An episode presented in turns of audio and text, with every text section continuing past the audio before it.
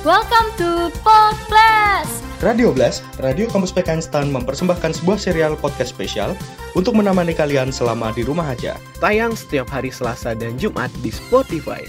Dan jangan lupa mantengin IGTV kita setiap malam minggu. Radio Blast, blended as stunners. Aduh, aduh, aduh. Um, kalau kalian yang lagi ada di rumah nih, yang mungkin masih makan opor ayam ataupun lagi ngabisin jejel lebaran nih. Karena kan masih ada kastengel, masih ada nastar di rumah pastinya. Atau mungkin kalian yang udah uh, nyicil buat belajar UTS nih. Karena kan um, itu yang menarik sih. Karena sekarang kita udah hampir UTS karena paling enggak mungkin dua minggu lagi lah kita UTS. Dan menariknya UTS kali itu pertama kali UTS uh, dengan metode online gitu, metode daring gitu kan. Nah, Uh, tapi tenang aja bagi teman-teman yang mungkin masih bingung buat ngatur waktu. Kalau teman-teman sambil dengerin Podblast, insya Allah teman-teman bakal keinget sama UTS-nya. Iya. Yeah. Karena uh, kali ini di Podblast, di podcastnya Radio Blast, kita bakal ngobrol-ngobrol nih terkait dengan pemantapan materi buat UTS nanti. Karena pernah nggak sih teman-teman kayak ngerasa selama pandemi itu ngerasa kalau misal, aduh gue kayaknya kurang cocok nih sama metode belajar audio atau mungkin gue kurang cocok nih sama metode belajar yang cuma visual aja gitu. Kadang kan ada anak yang uh, metode belajarnya itu audio visual gitu. Terus juga kadang uh, dikasih tahu sama teman, oh coba lo buka channel YouTube Jago Pajak aja deh gitu. Terus habis itu uh, kita kita nih langsung buka dan ketika buka tuh langsung cocok gitu nggak tahu kenapa cocok aja gitu karena mungkin asik dan juga lengkap banget sih karena kan zaman sekarang kan kita apalagi di masa pandemi gini kan kita belajar lewat semuanya lewat online gitu banyak platform yang um, memberikan kita uh, insight-insight baru gitu mempermudah kita belajar gitu ya contohnya jago pajak itu gitu nah kali ini kita kedatangan ya kita kedatangan tamu spesial gestar yang spesial banget karena hari ini kita bakal bincang-bincang langsung sama orang yang berada di balik channel YouTube Jago Pajak. Nah, beliau ini merupakan dosen perpajakan di PKN STAN. Beliau juga seorang alumnus dari STAN dan juga Politeknik Keuangan Negara STAN. Oke, karena itu di podcast kali ini kita kasih judul Unboxing YouTube channel Jago Pajak bersama Bapak Muhammad Reza. Oke, selamat datang Pak Reza. Oke, apa kabar nih Pak? Ya, Alhamdulillah baik. Terus uh, WFH masih lancar-lancar Pak? Lancar mas, cuman kayak minggu depan udah masuk nih. Oh, eh, minggu depan ya Pak. Berarti uh, bareng kita uh, kuliah gitu ya Pak? Iya, minggu depan udah mulai kerja di kantor. Nanti digilir tapi uh, sistemnya hmm. shift sekarang. Jadi ada yang kerja di kantor, ada yang kerja di rumah. Oke oke. Uh, tadi kan ya, saya di awal tuh udah sedikit nyinggung nih Pak masalah profil hmm. Bapak tuh yang uh, alumni dari STAN dan juga PKN STAN karena kan menurut informasi yang saya dapat Bapak ini uh, alumnus dari D3 juga di tahun 2011, kemudian uh, lulus di D4 2017. Boleh dong Pak, uh, kita kenalan lebih dekat lagi dengan Pak Reza. Siapa sih Pak Reza biar Sobat Blaster tuh lebih kenal lagi gitu. Silakan Pak. Oke, okay. ya, jadi nama ini pakai gue apa pakai saya aja nih? Oh boleh pakai lo gue Pak. eh, nama saya aja Nama saya itu Muhammad Reza Ramadan teman-teman. Uh, biasa dipanggil Reza. Uh, lulus dari D3 STAN dulu tahun 2011 jurusan akuntansi. Kemudian uh, masuk di D4 tahun 2015 dan lulus di tahun 2017. Oke. Okay. Penempatan pertama kali dulu di Direktur Jenderal Pajak. Dulu saya penempatan pertama kali di Jakarta sih di KPP Penanaman Modal Asing 1. Kemudian pindah beberapa kali. Sekarang sih di kantor pusat DJP sih kalau ininya sehari-harinya. Oke. Okay. Nah, selain itu ya aktivitas lain ngajar aja sih. Hmm. Ngajar di Kenstan, ngajar di beberapa tempat lain juga. Gitu. Oke Pak, jadi uh, Bapak juga termasuk manusia yang sibuk di Indonesia Pak. Karena kan Bapak kan uh, kerja juga di DJP, kemudian jadi dosen juga di PKN Stanjus, juga menurut informasi juga Bapak ngajar di beberapa lembaga pendidikan lain gitu. Tapi sebenarnya kan Bapak ini kan sibuk nih Pak. Apa sih yang melatar belakangi Bapak tuh uh, bikin jago pajak gitu kan Pak? Karena kan Bapak udah jadi dosen di di tempat kuliah kami di PKN STAN, Bapak udah ngajar. Kemudian uh, ketika Bapak harus bikin video, Bapak juga ngajar juga, Pak. Apa Bapak ngajar nih? Emang latar belakang ini apa nih? Boleh diceritain nggak, Pak? Oke, jadi dulu pertama kali saya bikin jago pajak itu sebenarnya tahun 2017. Hmm. Desember 2017 ingat saya. Hmm. Jadi uh, ceritanya dulu saya itu waktu itu baru kalau nggak salah seingat saya baru lulus uh, ujian sertifikasi konsultan pajak. Saya ikut sertifikasi konsultan pajak kemudian saya lulus gitu kan. Nah terus uh, jadi yang namanya ujian sertifikasi konsultan pajak nih mas kalau mas nggak tahu ya Hmm. itu tingkat kelulusannya sangat rendah. Jadi kalau sekali ujian itu mungkin tingkat kelulusannya cuma 20 persen. Hmm. 20 persen mungkin lebih di bawah itu.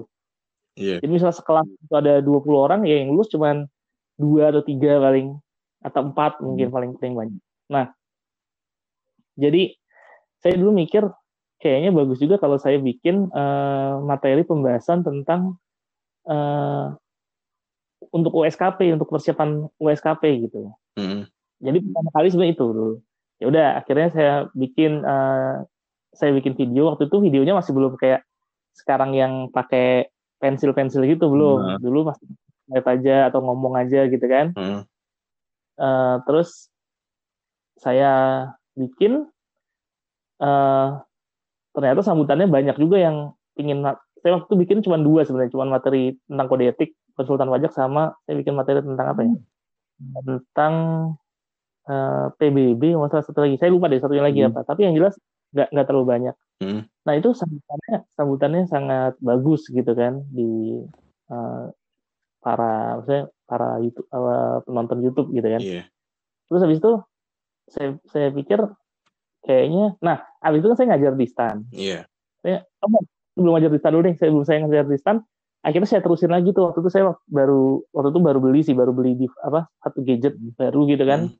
yang bisa yang bisa ditulis-tulis itu Hmm. pakai touchscreen dan uh, pakai stylus saya beli habis itu akhirnya saya manfaatkan gadget itu untuk bikin uh, materi Iya. ngajuin materi yang waktu itu udah saya itu karena waktu itu kita Desember 2017 bikin habis itu saya vakum mungkin ada enam bulan vakum nggak nggak bikin konten lagi tuh Hmm. selama enam bulan itu nggak bikin konten habis itu baru bikin lagi setelah saya waktu itu dapat apa beli gadget baru itu Oke. Nah akhirnya bikin, habis itu itu saya sebelum ngajar di stan. Hmm. Nah, habis itu saya ngajar di stan, ngajar di stan kan, ngajar di stan. Saya pikir kayaknya ma- eh, mahasiswa itu kalau dulu eh, channel YouTube Jago Pajak itu buat mereka ngulang materi, Hmm. ya buat mereka. Jadi saya ngajar di kelas, habis itu biar bi- mereka bisa ngulang materi, kita eh, apa namanya? Kita bikin lagi lah. Kenapa? Karena gini mas, mahasiswa itu ada yang di kelas kadang-kadang kondisinya lagi nggak apa ya entah dia nggak mood atau dia Hmm, nggak fokus gitu kan Nah, takutnya ada sesuatu yang kelewat sehingga saya pikir mat- eh, di jago pajak ini bisa mereka bisa kembali. apa ya ya ngulang Hmm. lagi materi itu di rumah gitu nah habis itu nah setelah itu saya akhirnya mikir itu waktu itu saya eh, karena saya waktu pertama kali ngajar di PKN Start tuh saya ngajar ini mas praktik pengantar akuntansi praktik pengantar akuntansi Mm-mm. ya jadi saya belum ngajar perpajakan waktu itu karena kalau sekarang ngajar perpajakan itu sebenarnya karena saya digeser Hmm. karena akuntansi kan udah nggak ada nih sekarang Iya, nih iya. Nah, saya digeser ke perpajakan. Nah, dulunya saya ngajar praktik pengantar akuntansi, tapi memang nama YouTube-nya masih jago aja. Oke. Kenapa? Karena memang awal-awal saya nggak nggak niat sama Oke. sekali untuk ngasih akuntansi, tapi saya materi tentang pajak gitu kan. Karena tuntutan ngajar di kelas itu, ya udah saya tetaplah saya masukin dalam materi praktik pengantar akuntansi biar teman-teman nggak hanya di kelas saya Hmm. sih eh, di eh, satu angkatan itu yang waktu itu lagi belajar pengantar akuntansi ya itu bi- bisa ngulang pelajaran di rumah gitu loh. Gitu sih. Iya, iya. Nah, terus habis itu kalau sekarang-sekarang sebenarnya gini, eh saya pingin ngembangin lagi mas sebenarnya channel jago pajak ini nggak hanya jadi eh, apa namanya, cuman channel YouTube biasa gini, tapi saya pingin bikin kursus pajak online gratis mas di. Indonesia. Wah, luar biasa, Bapak. Karena gini, kalau misalnya mas lihat nih kursus pajak di Indonesia itu mahal banget harganya. Hmm. antara minimal 3 juta mak- maksimal mungkin 5 juta atau 6 juta. Padahal mereka sebenarnya bisa mendapatkan materi itu secara gratis di YouTube gitu. Hmm. Nah, makanya bikin konten selengkap-lengkapnya karena Mas lihat deh kayaknya nggak ada nggak ada yang bikin konten pajak yang sedalam di channel itu Iya, benar. pajak. Nah, saya bikin saya bikin ingin bikin seperti itu. Nah, nanti eh, ke ke depannya sih kita ingin bikin kursus pajak gratis dengan materi-materi yang jago pajak Nah, sehingga mereka nggak hanya nonton terus kemudian ngerti, tapi juga mereka bisa dapat Oke. sertifikat sih. Oke. Gitu sih, Mas. Iya Pak, tadi menarik sih Pak masalah nama Jago Pajak nih. Karena pertama kali saya tahu nih channel YouTube Bapak itu waktu saya tingkat satu. Sekarang saya tingkat dua semester 4 nih. Eh, waktu tingkat satu tuh saya em, butuh review materi masa eh, matkul pengantar akuntansi. Terus juga dikasih tahu temen katanya, Om dengan lo nonton ini aja apa namanya ja- channel YouTube Jago Pajak aja. Nah saya mikir Jago Pajak kok eh, matkulnya pengantar akuntansi kan bingung Aduh. gitu kan Pak. Terus jago pajak. Apaan jago pajak? Coba buka aja di YouTube. Eh, setelah saya buka ternyata eh, mungkin eh, emang nama channelnya jago pajak tapi di dalamnya ternyata mat- ada ada ada materi-materi selain pajak juga ternyata. Jadi eh, pada saat itu saya eh, belajar pengantar akuntansi gitu sih pak. Eh, menarik juga Iya. nama jago pajak ini. Akhirnya saya eh, buka channel YouTube jago pajak terus ya emang asik sih. Dan jujur itu channelnya emang membantu sih pak membantu banget karena kan kalau Iya. misalnya uh, ketika kita baca judulnya kan jago pajak kan kayak uh, cuma buat perpajakan gitu ya buat buat buat prodi perpajakan ternyata ketika uh, kita masuk di dalamnya ada AKM ada ada pengantar akuntansi gitu yang bisa dimanfaatkan sama teman-teman yang bukan jurusan pajak gitu pak Ya, alhamdulillah sih kalau bermanfaat. Mm-mm. Terus em, dari kan sekarang kan udah banyak nih Pak eh, videonya nih. Itu semua video yang ada di channel YouTube tuh Bapak bikin sendiri gitu, produksi sendiri gitu. Iya, saya bikin sendiri semuanya. Tapi memang gini, eh, bikin sendiri, saya bikin sendiri karena memang keterbatasan. Kita punya waktu terbatas mas sehari cuma 24 jam ya. Iya. Saya harus kerja, harus eh, dan hidupnya itu kan nggak hanya kerja Iya. ya, bisa ada kerja, hidup buat keluarga juga, gitu kan. Ada main sama anak, ngobrol sama istri kan gitu harus ada. benar-benar. Sehingga memang kalau kita bikin materi bisa, tetapi memang saya belum benar-benar sama sekali nggak pakai editing sama sekali. Mhm. Jadi kalau mau kalau misalnya dilihat memang kayak mentah banget gitu. Jadi saya cuma bikin terus habis itu saya upload. Bikin upload, bikin upload. Jadi nggak ada proses editing yang pakai efek apa atau pakai eh, intro intro aja saya nggak ada. Iya. Saya benar nggak ada pakai. Gitu sih. Ya memang saya bikin sendiri dan memang mungkin nantinya nantinya ya Mas Mhm. kalau kita pengen ngembangin eh, channel ini kayaknya nggak mungkin sendiri sih Iya. saya harus ada partner, harus ada tim juga Bagus. yang buat websitenya, buat Hmm. pendaftaran, kalau misalnya bikin pack itu saja gratis terutama ya, Iya, benar kayaknya nggak mungkin sendiri. Iya benar karena kan sekarang kan platform-platform buat kita belajar tuh kayak Zenius, kayak Kuiper itu kan em, Hmm. media pembelajaran kan media pembelajarannya video gitu kan Pak. Jadinya mungkin Hmm. emang bener sih Pak butuh tim biar kita semua eh, ke- kayak kesait semuanya gitu Pak. Betul, betul. Eh ini mas, ngomong tentang Zenio, saya sebenarnya terinspirasi sama Zenio. Iya, Pak. sebenarnya. Saya saya tuh dulu, saya ingat banget tuh ta- tahun 2017 waktu saya D4 Iya. tuh, eh, saya pernah eh, dengar ada lowongan di Zenius untuk jadi tutor ekonomi Hmm, part time tadi. hmm, itu saya daftar, saya daftar. Tapi saya nggak nggak keterima sih waktu itu Hmm. karena sibuk ya dan mungkin mereka kira saya nggak bisa fokus di Zenius Hmm. gitu kan. Saya sebenarnya masuk ke situ tuh pingin ini mempelajari sini gimana sih cara mereka bikin video Hmm. karena saya benar-benar tertarik tuh. Mereka bisa bikin video eh, pakai kayak pensil gerak-gerak gitu loh mas. Hmm. Akhirnya saya akhirnya saya cari-cari-cari, akhirnya saya nemuin oh ternyata mereka entah pakai eh, namanya apa tuh eh, tablet yang namanya saya lupa tuh buat gambar tuh mas orang buat suka gambar itu kan ada tuh Iya. Eh, papannya itu namanya saya lupa namanya apa itu atau pakai bisa pakai juga bisa pakai iPad atau apalah hmm, di situ saya ingin saya ter- sangat terinspirasi sama Zenius itu sih iya. karena dulu saya ingat tahun 2008 saya saya eh, sekolah saya SMA tahun 2008 lulus ya Hmm. itu UN tuh belajar Zenius Hmm, iya bener Pak. oh jadi sama-sama kita sama-sama alumni Zenius Pak gitu. Karena saya kebetulan Oh, juga saya em, dulu uh, pengguna Zenius gitu Pak. Cuma tadi oh, kalau saya gimana Pak? masih langganan Gimana? Sa- sampai sekarang masih langganan Oh saya. iya Pak, yang tiga eh, yang yang tiga tahun tuh loh Wah. saya waktu itu langganan tiga tahun langganan buat apa Pak? Bapak kan udah ilmunya jauh di atas yang ada di Zenius Pak. kan materinya banyak banget mas Hmm, misal nih kita ingin belajar sejarah Oke, saya ingin ingin tahu eh, konten tentang atau saya pintar materi tentang sejarah baik. saya sekarang saya eh, saya salah satu materi yang saya tertarik itu adalah sejarah mas saya suka sejarah Hmm, nah cari cari di Zenius cari materi sejarah Oh iya iya iya. Hmm. Iya. iya. Sama ini saya- itu akunnya saya sharing juga sama adik saya sih Hmm. di Iya. jadi kalau misalnya adik saya ingin pakai ya udah dia login gitu Hmm. kan pakai akun saya. Iya benar sih Pak. Oke oke Pak. Em, jadi kalau tadi kan Bapak bilang Bapak masih kayak eh, ngurus semua video itu sendiri gitu Pak. Terus eh, apa aja sih yang Bapak siapin? gitu? Oh sebelum bikin videonya. Eh, Apa apakah Bapak termasuk em, kayak mahasiswa kalau mau presentasi gitu Pak kan kadang kan kita kan harus belajar dulu atau mungkin kalau mau bahas soal kita harus eh, mempelajari soalnya dulu gimana? sama sih kalau saya juga gitu. Jadi kalau bikin kan ada dua ya sebenarnya kalau di jago wajah tuh. Pertama kalau pembahasan materi sama bikin soal gitu kan. Mm-mm. apa, apa ngerjain soal sorry. Nah kalau yang pembahasan cuma materi biasa, eh saya memang harus belajar dulu. Saya belajar dulu. Enggak, seenggaknya gini. Ada kan beberapa materi memang saya sudah kuasai bener luar kepala gitu. Kayak misalnya contoh PPHOP, jenis objek pajak, TKP itu udah menguasai lah. Istilahnya kalau misalnya kita nggak ngulang pun, insya Allah udah tinggal ngomong langsung tulis bisa gitu kan. Nah, Mhm. kalau yang kayak gitu-gitu bisa langsung. Tapi setidaknya saya sebelum mikir dulu.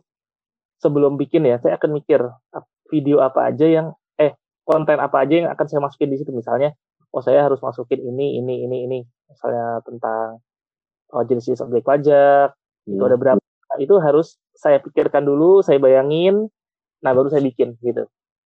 Nah, tapi kalau materi-materi yang memang eh, sangat detail tentang peraturan itu biasanya saya belajar dulu. Nah, apalagi kan Hmm. pajak ya dinamis mas, peraturannya dinamis, sering berubah peraturannya. Nah, eh, saya harus benar-benar tahu peraturan terbarunya seperti apa. Jadi jangan sampai ketika kita nyampein, oh ternyata ini udah nggak update nih peraturannya gitu, gitu sih. Nah, kalau eh, selain itu sih kalau soal, kalau soal saya bisa ngerjain dulu, saya kerjain dulu, dapat jawabannya, baru habis itu saya bikin videonya. Tapi kadang-kadang juga enggak sih, kadang-kadang langsung aja kerjain gitu kan. Tapi kalau misalnya ternyata kan namanya orang ngerjain soal bisa salah ya. Iya benar. Kalau salah ya saya ulang lagi, saya retake lagi videonya. Oh ternyata salahnya di sini loh gitu. Hmm, iya iya. iya. Iya benar benar benar. Oke. Bikin satu video tuh Hmm. nggak bisa jadi lama juga. Lama berapa lama tuh, Pak? Kadang-kadang kadang-kadang tuh ada aja yang bisa bikin retake gitu kan. Entah Hmm. eh, eh, salah jawabannya kalau misalnya bikin soal atau apalah misalnya kayak kemarin saya bikin video nih eh ternyata ada pernah bikin video tapi belum ke record gitu loh Nah, iya itu ya.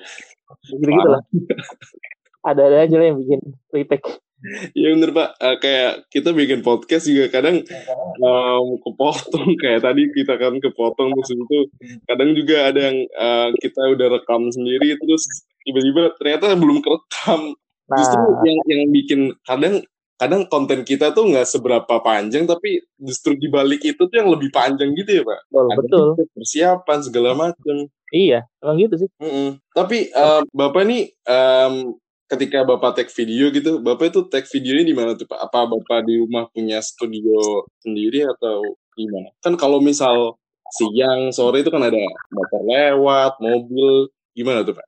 saya nggak ada studio, studio sendiri sih saya kalau ngetek video di kamar aja Di kamar. saya memang di kamar setelah saya tutup gitu kan Hmm. tapi memang kadang-kadang ada apalagi dulu ya video-video saya dulu kan saya dulu itu bahkan saya nggak pakai mic mas Mm-mm. jadi banyak suara bocor gitu masuk kayak Mm-mm. suara apa tuh saya ingat dulu bikin video tentang KUP itu Mm-mm. malam takbiran di tahun dua tahun lalu nggak salah Waduh, itu soal takbirannya masuk ke ini, masuk ke video ya Pak? masuk mas Masuk. jadi wah ini ada suara takbiran Terus kan ini kan Bapak kan ini nih, eh, Bapak udah punya bahan materi gitu ya Pak di eh, channel YouTube Bapak gitu. Dan Hmm. Bapak kan juga dosen. Jadi kalau misal kalau saya jadi Bapak kan paling saya masuk kelas ya anak-anak silakan buka channel YouTube saya. Anak-anak eh, selama 3 SKS kalian nonton YouTube saya. eh, nanti kalau ada yang tanya baru ditanyain gitu. Apa Bapak seperti itu atau proses pembelajaran kayak biasa Pak di kelas? Pak? ini selama study from home atau PJJ atau enggak Em, keduanya deh Pak.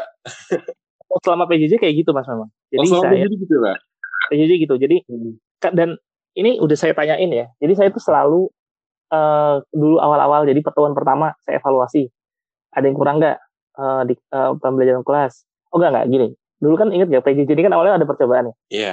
Percobaan tuh saya pakai Zoom waktu itu. Ternyata banyak yang pakai Zoom, abis itu kuisnya pakai Quizzes. Ternyata banyak yang ngeluh, banyak yang ngeluh. Kenapa? Karena eh, jaringan jelek, putus-putus. Zoom kan agak berat nih, ya kan, untuk jaringan internetnya. Hmm. Habis itu eh, pertemuan pertama saya pakai YouTube. Jadi Hmm. saya bikin itu, mereka nonton. Habis itu ada latihan. Habis itu eh di awal kuis dulu kuis, habis itu mereka nonton. Habis itu latihan. Nah ternyata metode yang kayak kayak gitu itu lebih mereka lebih nyaman. Kenapa? Karena karena pertama YouTube itu nggak makan kuota. Kuotanya nggak terlalu gede lah. Hmm. Dengan Zoom, ya kan? Nah, Iya, bener. Terus bisa disesuaikan eh, resolusinya kalau misalnya pakai 720p 720p bisa pakai 360 480 12 144 dan seterusnya kan. Iya, nah bener. itu lebih apa lebih eh, ramah kuota lah seperti itu. Hmm. nah eh, jadi saya akhirnya pakai metode seperti itu. Jadi di awalnya itu kuis kuis pertemuan yang lalu ya. Jadi misalnya kuis materi pertemuan lalu. Hmm. habis itu ada mereka nonton video di channel YouTube Pajak Hmm. saya jawab eh, 10 sampai 20 menit habis itu latihan latihan soal nah latihan soal pembahasannya juga saya taruh di channel itu mereka nonton nanti oke. gitu sih Jadi eh, Bapak ini em, termasuk em, dosen yang sekiranya udah siap sedia menghadapi PJJ gini ya Pak. Soalnya kan Iya. dari channel YouTube Bapak aja udah menggambarkan bahwa em, kita belajar nggak cuma harus tatap muka gitu, tapi di mana pun kita berada itu kita bisa belajar gitu ya Pak. betul jadi memang sangat apa ya dengan adanya PJJ kita udah benar-benar nggak nggak pusing lagi gitu mikirin karena ada juga saya nggak tahu ya hmm, mas dapat dosen yang gitu apa. ada juga dosen yang cuma ngasih PPT doang Betul ya? Hmm, Iya bener Pak. ada Ada. ada ya? ada kan ini Ada. PPT tanya jawab menurut saya gimana ya bagaimanapun membaca orang yang biasa audio audio visual itu susah mas untuk baca sendiri Iya, serius bener. Serius Pak. Itu saya banget Pak. makanya saya harus ngasih materi video juga saya kasih memang PPT Iya. kan ada PPT standar nih untuk pengajaran ada PPT standar dari dosen koordinator itu saya kasih Iya. nah orang yang mau baca baca yang mau nonton nonton terserah sih kita kasih ke, uh, keluasan bagi mereka aja sih gitu. Hmm, Iya benar-benar. Karena kan em, tipe belajar orang kan beda-beda ya Pak. Apalagi bagi tipe belajar yang audiovisual gitu Pak. Jadi kayak mungkin di selama PJJ ini kalau misal cuma ngandelin PPT aja itu benar-benar berat banget sih Pak. Karena kan kalau misal anak-anak yang tipe belajarnya cuma membaca gitu mungkin mungkin kondisi apa pun mungkin bakal bisa gitu. Tapi um, berbeda dengan anak-anak yang mungkin audio doang atau mungkin audio visual itu um, agak rumit sih buat emang buat adaptasinya gitu pak makanya buat uh, adanya channel Ja- jago pajak ini benar-benar membantu sih. Terus gini pak uh, Pak Reza ini kan dosen dan uh, menurut uh, informasi yang da- saya dapat nih bapak ini ter- ternyata ngajar juga di lembaga pendidikan lain gitu pak kayak LPAM SDI Trisakti terus juga di Universitas Krishna Dwi Payana Ya. sama brevet pajak A dan B Ikatan Alum eh, Ikatan Akuntan Indonesia gitu. Itu betul ya pak? Betul betul itu tuh eh, cara bagi waktunya gimana tuh pak? Karena kan em, jujur saya sebagai mahasiswa dan ikut kegiatan UKM ABC kemudian harus kuliah itu aja udah makan waktu eh, cuci baju saya gitu pak. Jadi nggak ada waktu buat nyuci baju. Kalau misal Iya. bapak sendiri ini kan ada harus bikin tag video persiapan tag video juga gitu. Bagi waktunya gimana pak? Kalau ngajar ini khususnya ngajar dulu ya.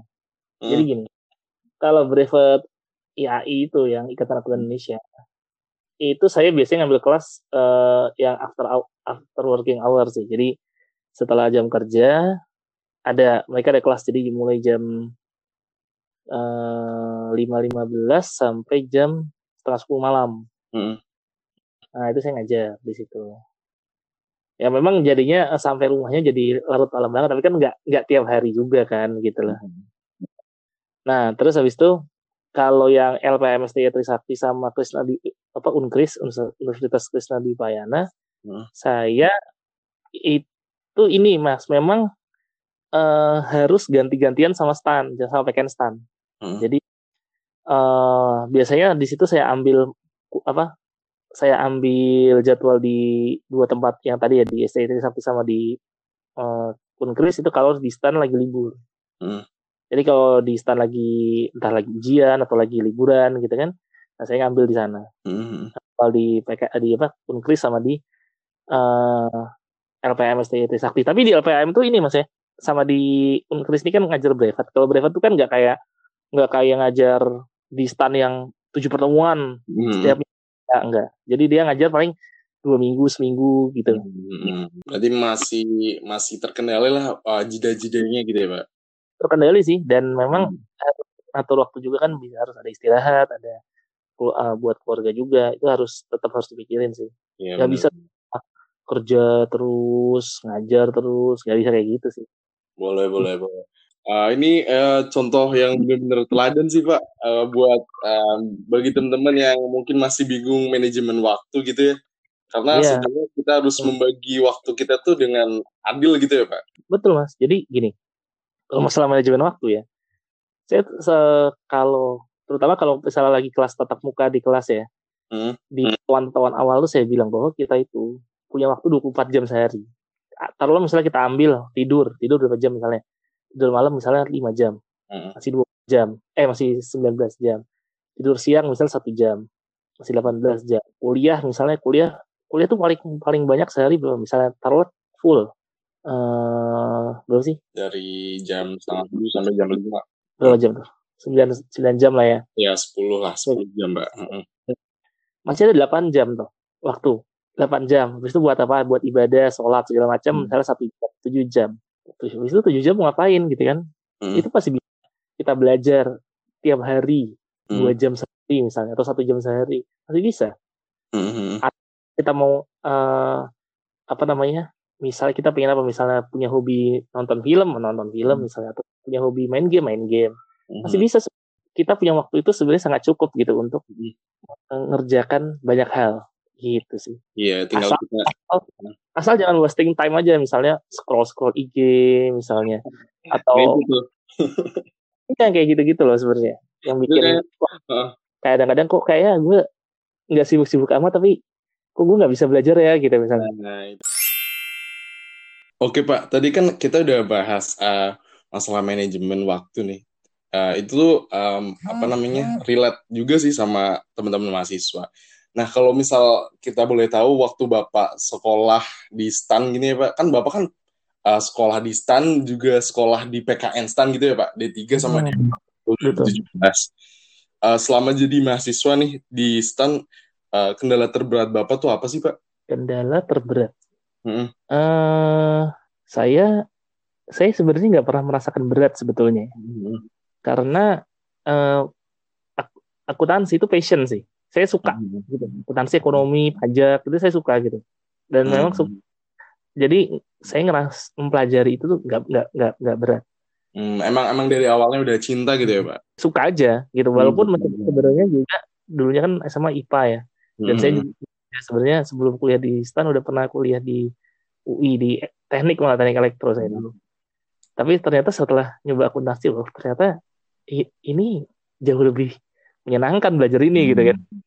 Kalau dibilang masa tersulit mungkin ya. Hmm. ada. Saya pernah dulu di tingkat dua sih semester tiga. Menurut saya itu merupakan eh, apa ya waktu-waktu yang cukup sulit bagi nggak hanya saya sebenarnya tapi juga seluruh mahasiswa stan angkatan saya kenapa karena eh pelajarannya itu benar-benar ngeri-ngeri semua gitu jadi di semester itu saya dapat AKM 1 cost Hmm. counting cost counting ya Iya. dan cost dulu nggak dibagi ya nggak nggak dibagi cost satu sama cost dua tapi Hmm. cost itu Gabung doang cost counting gitu dalam Yang satu semester ya pak? jadi itu benar-benar dari awal sampai UTS itu udah sampai kita udah sampai belajar tentang job order proses costing sampai back flush. Udah sampai situ. Terus benar-benar tuh wah ini gila nih, padat banget nih berarti nih materi gitu. habis itu ada manajemen keuangan. Itu di satu semester tuh AKM satu kos. Oh iya pak, wow. Luar biasa.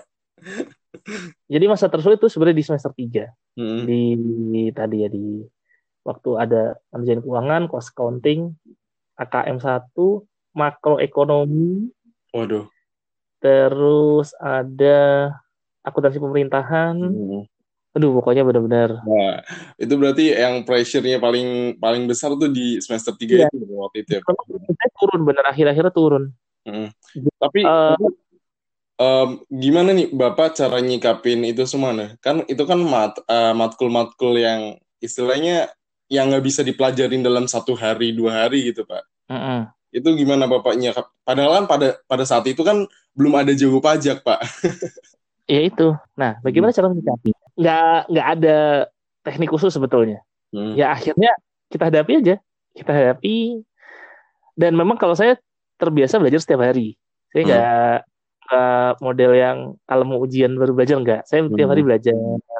Baca tiap hari. Saya misal besok mau kuliah apa, saya sebelumnya harus, harus baca dulu. Jadi Hmm. baca masuk kuliah. Jadi di kelas tuh hanya tinggal diskusi sama dosen. Lah. Hmm. Dan memang karena tadi ya eh, tiga mata kuliah itu jadi satu di jadi mankio kos sama KM jadi satu di satu semester memang akhirnya turun si IP-nya. Hmm. Itu aja kita kita terima dengan lapang dada aja IP-nya turun dan lu turunnya lumayan waktu itu. Saya ingat dari semester sebelumnya tuh turun 0,19. Waduh. Walaupun masih sebelumnya saya 3,89 habis itu dari 3,70. Ya masih 3,7 ya. Hmm. ya. Tapi orang tua saya waktu itu cukup kecewa juga. Ah. Kenapa nih IP-nya turun? Nah, ya namanya susah kan pelajarannya ya nggak? Oh, oh jadi kunci kunci dapat IPK 3,79 pada saat D3 sama 3,91 pada saat D4 itu belajar tiap hari gitu ya, Pak? Sebelum Nah, iya. kita belajar dulu gitu ya. kalau D4, jadi D4 mas. D4 itu eh, lebih sulitnya adalah karena saya udah berkeluarga. Hmm. Karena saya masih kecil sih tapi. Mm-mm. Eh, itu lebih sulit lagi karena apa? Saya baru bisa belajar itu jam startnya itu jam setengah sebelas atau jam sebelas. Waduh. Saya baru bisa belajar. Kenapa? Hmm. Karena ya anak saya tidur kan. Hmm. Saya baru belajar. Ya tapi eh, kita hadapi aja. Dan alhamdulillah D4 itu ya meskipun meskipun waktu itu kalau orang tua saya itu kan sukanya ngasih target ya, oh mas kamu harus ranking satu gitu, bukan kamu jadi lulusan Hmm. terbaik kayak gitu kan. Hmm. Nah waktu D4 ya meskipun eh, sudah berkeluarga, ya alhamdulillah bisa dapat IP 3,91 dan jadi lulusan terbaik juga kan.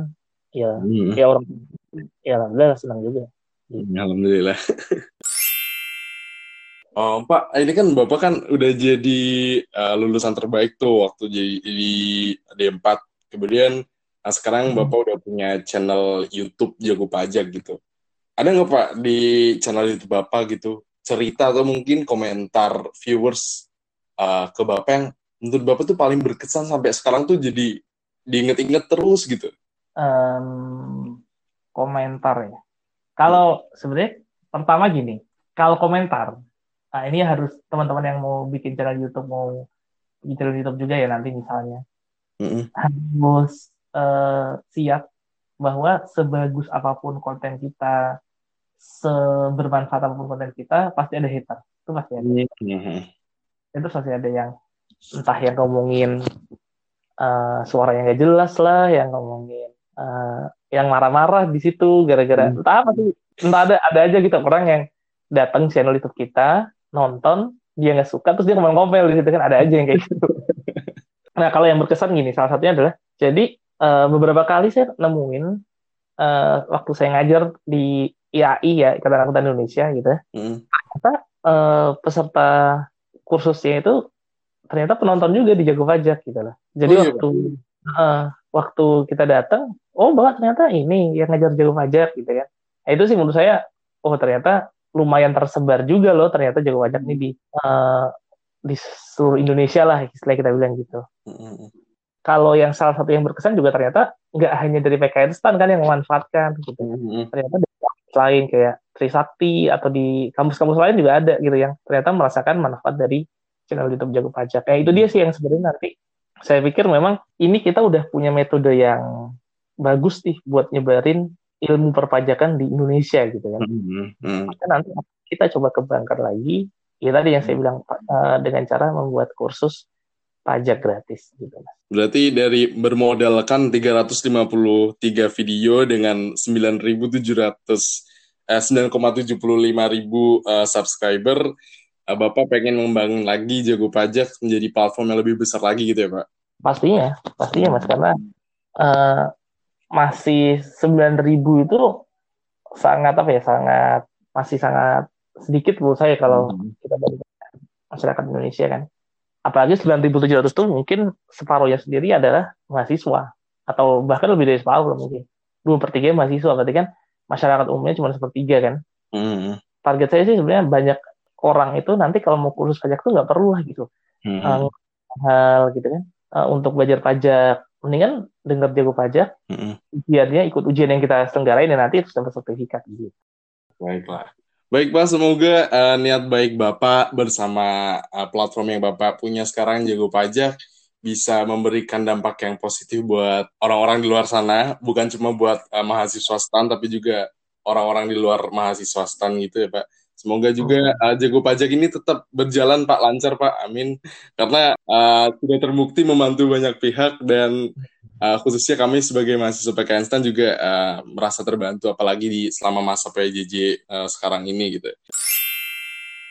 Baiklah teman-teman sobat Blaster, eh, kita udah cukup lama bincang-bincang bareng Pak Reza mengenai eh, channel YouTube beliau Jago Pajak dan banyak banget kita udah menimba ilmu dari beliau dari tips buat dapat IP tinggi tadi, kemudian eh, tips manajemen waktu, kemudian juga cerita di balik Jago Pajak itu latar belakangnya gimana gitu ya. Kami selaku perwakilan dari Radio Blast mengucapin terima kasih banyak Pak Reza udah mau bergabung dan sharing-sharing bareng kami. mas boleh nggak satu lagi Oh boleh Pak, boleh boleh. ada satu mungkin yang saya sampaikan ke teman-teman mahasiswa ya bahwa kita itu udah diberikan kesempatan untuk belajar di Pakistan yang mana banyak loh orang yang ingin belajar di Pakistan tapi nggak bisa belajar di Pakistan bener ya Hmm, benar-benar. maka manfaatkan kesempatan itu sebaik-baiknya karena kita nggak tahu jangan-jangan Pakistan ini adalah awal dari kesuksesan kita di masa yang akan datang gitu Iya benar Pak. bahkan kalau menurut saya Pak, hampir pasti bisa menjadi langkah awal dari kesuksesan kita di masa yang akan datang gitu. Maka manfaatkan sebaik-baiknya. Carilah IP sebaik-baiknya, belajar sebaik-baiknya ya karena ini pasti akan bermanfaat. Dan jangan sampai kita yang sudah diberikan kesempatan ini tidak bisa memanfaatkan itu. Ya karena banyak orang lain di luar sana yang ingin ada di Pakistan. Saya ingat waktu itu saya pernah nonton videonya dari eh, channel YouTube-nya Panji ya. Mas Panji ya, Panji. Karena Hmm. komedi itu yang tentang Hmm. 5 menit yang mengubah hidup saya itu lah. Iya. Boleh lah nanti kalau teman-teman masih pengen nonton itu bagus banget. Jadi Hmm. kadang-kadang hidup kita di masa yang akan datang itu ya di kemudian hari itu ditentukan oleh cuma dalam waktu lima menit gitu. Nah Hmm. maka di tiga tahun itu waktu yang panjang maka manfaatkan itu sebaik-baiknya dengan sebaik-baiknya dan jangan, jangan sampai nanti nyesel kalau udah DO nyesel ya Iya benar. gitu sih. Baiklah. Tadi poin terakhir manfaatkan waktu sebaik mungkin. Baiklah. Eh, terima kasih Pak Reza sudah mau bergabung dengan eh, podcast Radio Blast. Terima kasih juga buat Sobat Blaster yang udah mau dengerin podcast kita kali ini. Semoga ini bermanfaat. Kami dari Radio Blast mengucapkan pamit undur diri. Terima kasih dan sampai jumpa. Terima kasih Pak Reza. Ya sama-sama mas. Masa udah puas dengerin ampe episode ini doang? Klik tombol next-nya dong. Atau pilih episode, Pilih episode lain lain yang ada di Spotify kita.